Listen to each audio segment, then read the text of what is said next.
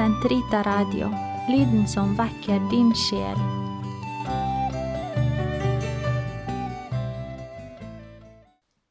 Den katolske kirkes katekisme, uke 35, mandag 6.24 til 6.30. Tredje avsnitt Begravet. Hans død ved Guds nåde er ment å komme alle mennesker til gode. Hebreerne 2,9. I sin frelsesplan hadde ikke Gud bare laget det slik at Hans sønn skulle dø for våre synder, 1. kor 15,3, men også at han skulle smake døden, det vil si at han skulle kjenne dødens tilstand, hvor sjel og legeme skilles ad i tiden mellom det øyeblikk da han trakk sitt siste sukk på korset, og det øyeblikk da han gjenoppsto. Kristi døde tilstand er gravens og nedstigningen til dødsrikets mysterium.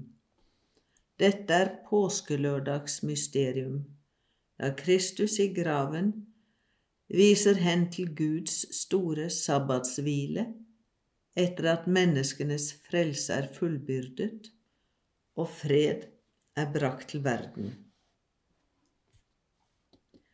Kristus i graven i sitt legeme. Kristi opphold i graven utgjør forbindelsen mellom Kristus før påsken som den lidende og hans nåværende herlighet som den oppstandende. Det er den samme levende som kan si jeg var død, men se, jeg er levende for all evighet. Åpenbaringen 1,18. Gud, Sønnen, hindret ikke døden i å skille sjel og legeme ad etter naturens nødvendige orden, men han knyttet dem sammen igjen ved oppstandelsen, slik at han selv i sin person kunne være møtested for liv og for død ved å stanse i seg selv den for naturlige forråtnelse døden frembringer, og ved selv å bli knutepunktet for gjenforeningen av de adskilte deler. Siden den livets fyrste som ble tatt av dage, apostelgjerningen 3.15, er den samme som den levende som er oppstanden, Lukas 24, 5-6, må Guds sønns guddommelige person nødvendigvis ha fortsatt å ta opp i seg sin sjel og sitt legeme, som ble adskilt ved døden. Siden sjelen ble adskilt fra legemet da Kristus døde, ble allikevel ikke den ene person delt i to personer for Kristi legeme og hans sjel eksisterte med lik rett i ordets person helt fra begynnelsen av, og i døden forble hver av dem sammen med den samme og ene ordets person, selv om de var atskilt fra hverandre. Du overgir ikke din hellige til gravens oppløsning. Kristi død var en sann død i den forstand at den gjorde slutt på hans menneskelige jordeliv.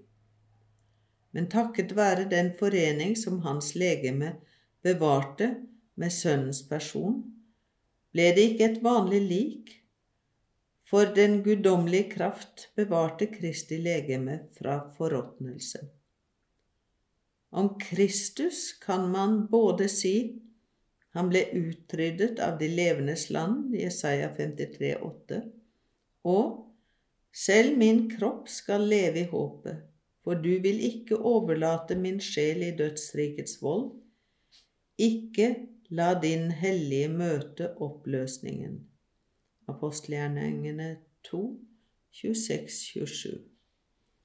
Jesu oppstandelse på den tredje dag, første kor 15.4, beviser dette. For forråtnelsen var antatt å bli synlig fra fjerde dag av. Begravet med Kristus. Dåpen, forrettet med det opprinnelige og fullstendige tegn som neddykkingen er, viser på en virkelig måte hen til at den kristne stiger ned i graven og dør for synden sammen med Kristus, med det nye liv for øye. Ved dåpen er vi altså døde og blitt begravet sammen med ham, for at også vi skal leve og ferdes i en ny tilværelse.